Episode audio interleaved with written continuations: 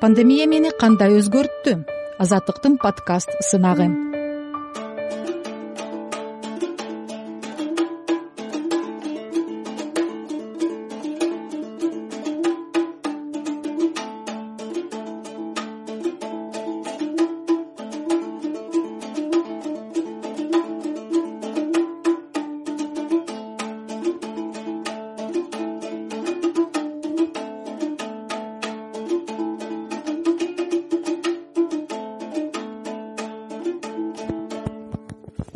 азыр сиздер комузда ойнолгон корго олдосуевдин ак бакай күүсүнөн үзүндү уктуңуздар аны аткарган менин улуу кызым онунчу класстын окуучусу зиягүл искендерова болду. Быйыл жалал абад шаарындагы глинка атындагы балдардын музыкалык мектебинин комуз классын кызыл күбөлүк менен ийгиликтүү аяктады. Айылдан жалал абад шаарына беш жыл барып келип окуп өнөргө ээ болду эки миң жыйырманчы жылды мамлекетибиз региондорду өнүктүрүү өлкөнү санариптештирүү жана балдарды колдоо жылы деп жарыялаган. Мына дал ушул эки миң жыйырманчы жылы март айынын аягында биздин мамлекетте коронавирус ылаңы чыккандыгына байланыштуу карантин жарыяланды. Ошентип балдарды колдоо жылында биз балдарыбызга жакын олтуруп калдык. Балдарды колдоону ар бир ата эне өзүңдөн башта дегендей буйрук болду го саламатсыздарбы? Мен кайрат искендеров жалал абад облусунун сузак районуна караштуу барпы айылынын тургуну. кырк беш жаштамын билимим жогорку кесибим ветеринардык врач. Сиздерге пандемиядагы үй бүлө менен өткөргөн күндөрүбүз жөнүндө баянымды тартуулайм балдар биздин келечегибиз. Карантинде мен үй бүлөм менен мыкты мезгилди өткөрдүк десем жаңылышпайм. Мен балдарга кандай пайда келтирдим жана аларды кантип колдодум онлайн сабактардан бошошкондо дем алыш жана каникул күндөрүндө мен аларга тарбияны пландап режим менен өтүп жаттым. Мен балдарды искусствого да кызыктырып келем. Көркөм искусство менен бир аз болсо да аларды тааныштыруу негизги максаттарымдын бири болду. Адабий китепти көп окуш керек деп китептерди буларга сунуштадым. Үйдө өздүк китепканамда балдар адабияты толтура. Биздин kg сайтында балдар адабияттары көп экен. Учурдан пайдаланып айтып кетейин биздин kg электрондук китепканасынын ээси чоробек сааданбекке чоң рахматымды айтамын.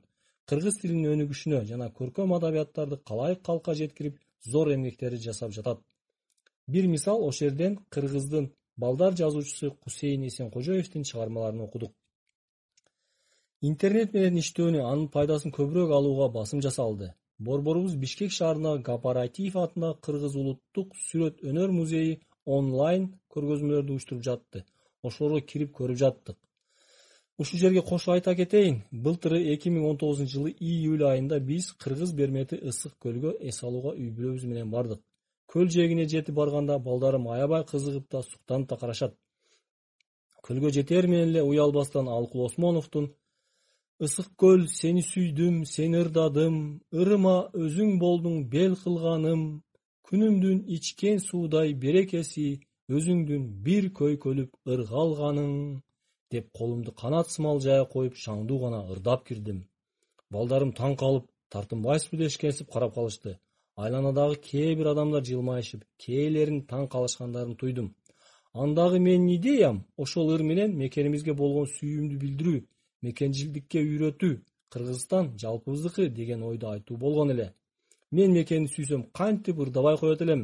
Кооз табияттуу кыргызстаныбыз бар эмеспи? Ысык көлдө эң мыкты күндөрүбүз өттү. Көлгө чумкуп ойнодук ден соолукту чыңадык көлдүн алмасын жедик кемеге түштүк. Көлдөгү кереметтүү күндөр ай.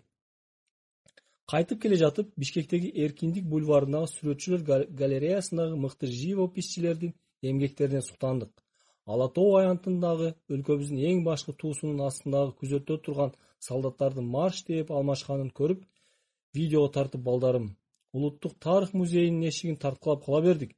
Жабык болчу. Көп нерсе көрөт экенбиз деп кызыгып шаттанып бараткан балдар неге иштебейт ата? деп калышты. Ремонт болуп аткан окшойт дедим да ичимдеги ойлор эмне жөнүндө болгонун аны өзүңүздөр деле билсеңиздер керек андан ары кооператив атындагы кыргыз улуттук сүрөт өнөр музейине бардык. Ал музейге барабыз деп көптөн бери айтып жүргөнмүн. Музей кызматкерлерине жалал абадтан келгендигибизди искусство боюнча таанышуубуз үчүн киргендигибизди айттык. Алар биздин алыстан келгенибизди кубаттап жакшы иш жасап жатканыбызды айтышып кубануу менен сыйлык тосуп алышты. Кассадагы эжекей экскурсовод жалдасаңыз сонун болмок балдарга жакшылап түшүндүрүп берет эле деп сунуштады.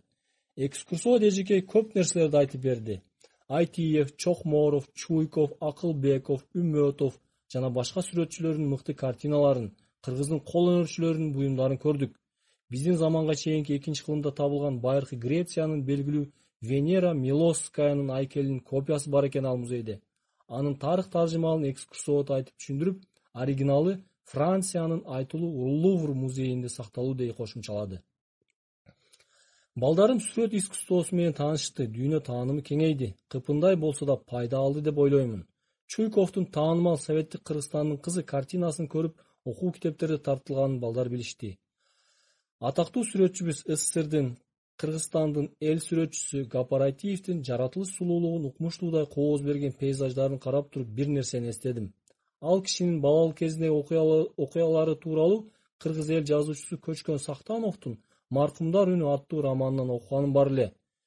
Жаш кезинде турмушунун оор мезгилдеринде атасы экөө ачка калып жаш гапар мал союлуучу жайдан союлган малдан чыккан канды иттер менен талашкан окуясын балдарыма айтып өттүм.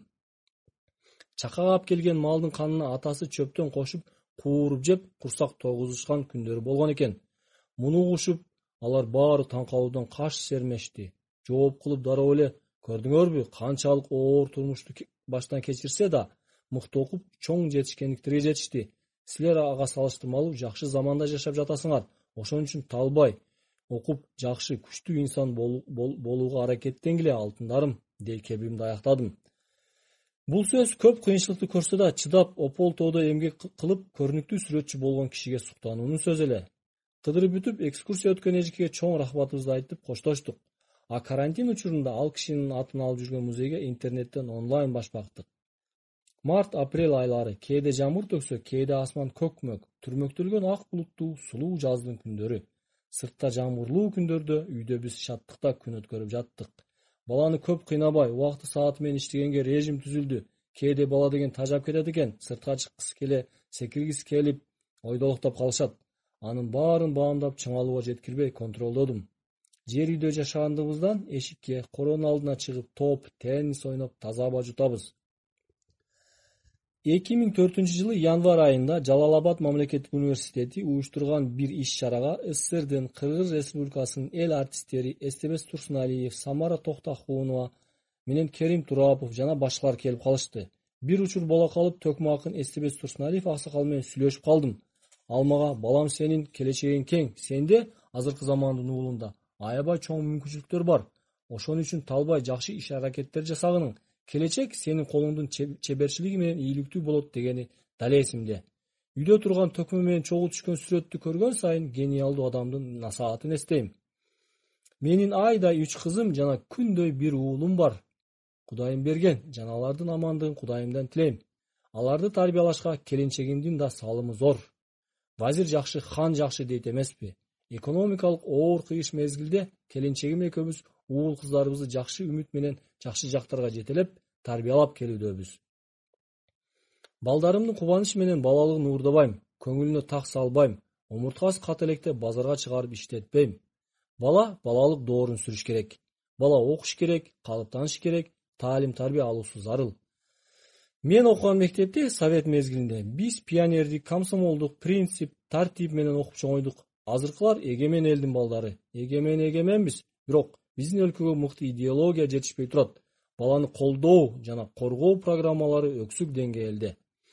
Биздин kg сайтында адабият боюнча аудиолор бар экенин билемин. Мына ушул жерден улуу манасчыбыз саякбай каралаевдин өзүнүн айтуусундагы манас эпосунан үзүндүлөрдү уктурдум балдарга.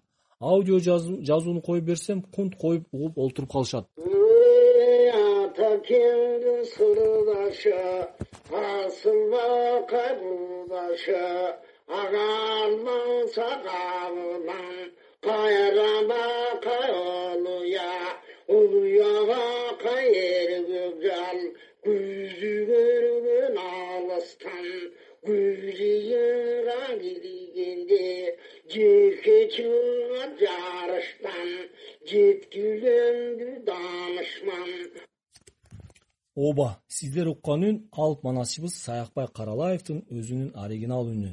Аудиодогу үндүн динамикасынын ар түрдүүлүгүн окуя боюнча өзгөрүүлөрүн тыңдап угушту. Кыргыз манас менен улуу кыргызда алп манас деген чыгарма бар деп азыртан тааныштырып келемин.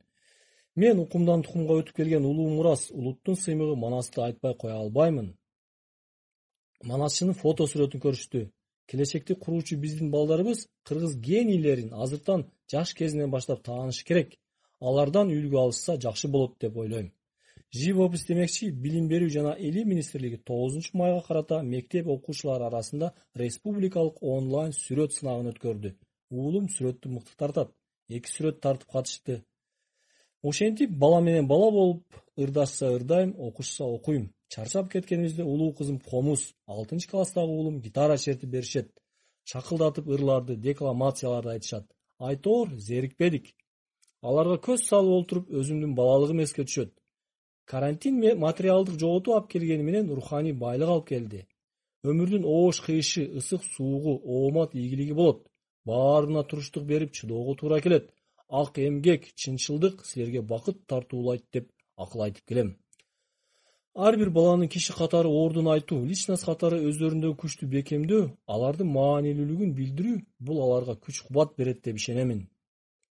Бала чаканы багып ичиндирип кийиндирип койсом эле жеңишке жетиштим деп ойлобоймун андан башка да эмгек жана милдет бар эмеспи. Ички дүйнөсүн тарбиялоо багыт берүү маданий деңгээлин жогорулатуу эң башкы иш болот. Балдардын абийир сезиминин өнүгүшүнүн негизги шарты ата жана энедеги таза абийир ата эне канчалык абийирдүү жана таза болсо балдар аны өз абийир үлгүсү кылып көөдөнүндө сактайт. Коронавирустук инфекция боюнча жарыяланган карантинде мен келинчегим жана балдарым менен ары кызыктуу да ары таттуу да күндөрдү баштан кечирдик. Мен үй бүлөм менен бактылуумун. Кайрат искендеров барпы айылы июль эки миң жыйырманчы жыл